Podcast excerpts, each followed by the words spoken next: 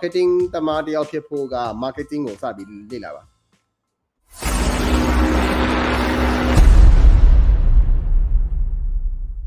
ကို marketing sense ရှိကို marketing ကိုဘယ်ကနေဘယ်လိုလေ့လာသင်လာချပေးပါအောင်ဆိုတော့ကျွန်တော်အမြဲတမ်းအမြဲတမ်းအမြဲတမ်းအမြဲတမ်းအမြဲတမ်းအမြဲတမ်းအမြဲတမ်းအမြဲတမ်းအမြဲတမ်းကျွန်တော် I can't stress it enough ပြောတဲ့ရှိတာက marketing တမားတယောက်ဖြစ်ဖို့က marketing ကိုစပြီးလေ့လာပါ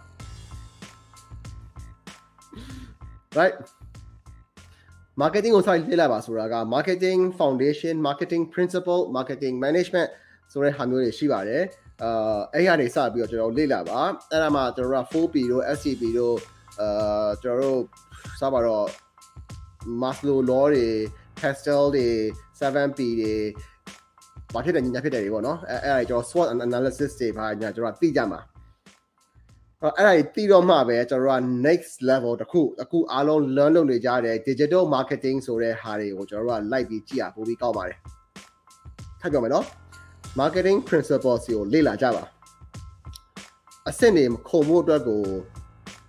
အမ်လောမကြီးပါနဲ့အရင်အရေးကြီးတယ်လို့ကျွန်တော်တို့မြင်တယ်ဘာလို့ဆိုတော့ကျွန်တော်တို့ကိုယ်တိုင်လည်းဒါကျွန်တော်ကိုယ်တိုင်လည်းလောပြီးတော့အာကျွန်တော်ပြောရရင်ဟိုလောက်ခဲ့ဘူးတယ်ပေါ့နော်ဒါပေမဲ့ နောက်ဆုံးလဲကျွန်တော်ကျွန်တော်လည်း foundation ကိုပြန်လေ့လာ principle ပြန်လေ့လာ management ကိုပြန်လေ့လာပြီးတော့မှအဲ့ဒီဟာကိုမှမှကျွန်တော်တို့ platform တစ်ခုချင်းစီပေါ်မှာဘယ်လိုမျိုးသုံးရမလဲဆိုတော့ပုံစံမျိုးမျိုးလေးနဲ့ကျွန်တော်သွားရပါတယ်အဲ့တော့ marketing သမားဖြစ်ချင်တယ်ဆိုလို့ရှိရင် marketing ကိုလေ့လာပါ marketing သမားဖြစ်ချင်နေပြီးတော့မှ platform စီကိုဟိုဆောက်ဆချင်းအနေနဲ့လေ့လာမယ်ဆိုလို့ရှိရင်ငါ technician ပဲဖြစ်မှာပါကျွန်တော်တော့ marketing သမားဖြစ်မယ်လို့မထင်ဘူးရ right အဲ့တော့ညာတော့ ပြီးပြီဆိုလို့ရှိရင်ကအရေးကြီးတာဒီအရေးကြီးတာနောက်တစ်ချက်ဒီ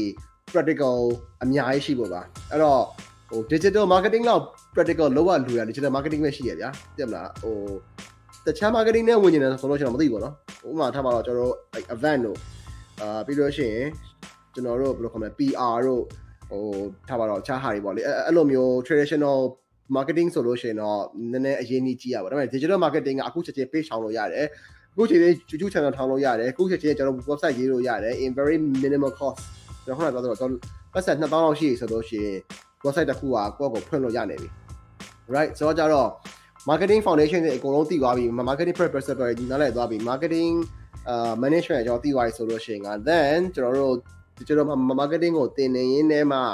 အာကျွန်တော်တို့အခုလိုမျိုးအာ Facebook တို့ YouTube တို့ TikTok တို့ LinkedIn တို့ website တို့ပါဒီ practical ရအောင်ကျွန်တော် learn လုပ်ပါဟိုတက်မှာကြော်ခွာပြီးတော့တခါတည်းကျွန်တော် Facebook မှာ content ဘယ်လိုရေးရမလဲဆိုပြီးတွားပြီးရှာနေရဆိုလို့ရှိရင်တော့ then customer ကဘာစိတ်ဝင်စားနေလဲဆိုရယ် customer sentiment ကိုမသိသေးဘူးကိုကနေပြီးတော့မှ post ရေးဖို့အတွက်ပြင်နေပြီဆိုလို့ရှိရင် I mean what's the point right ဆိုတော့ကြတော့အာဆိုတော့ကြတော့ကျွန်တော်တို့တော့ basic ကိုအရင်ဆုံးလေ့လာစစ်စစ်စစ်ချင်ပါတယ်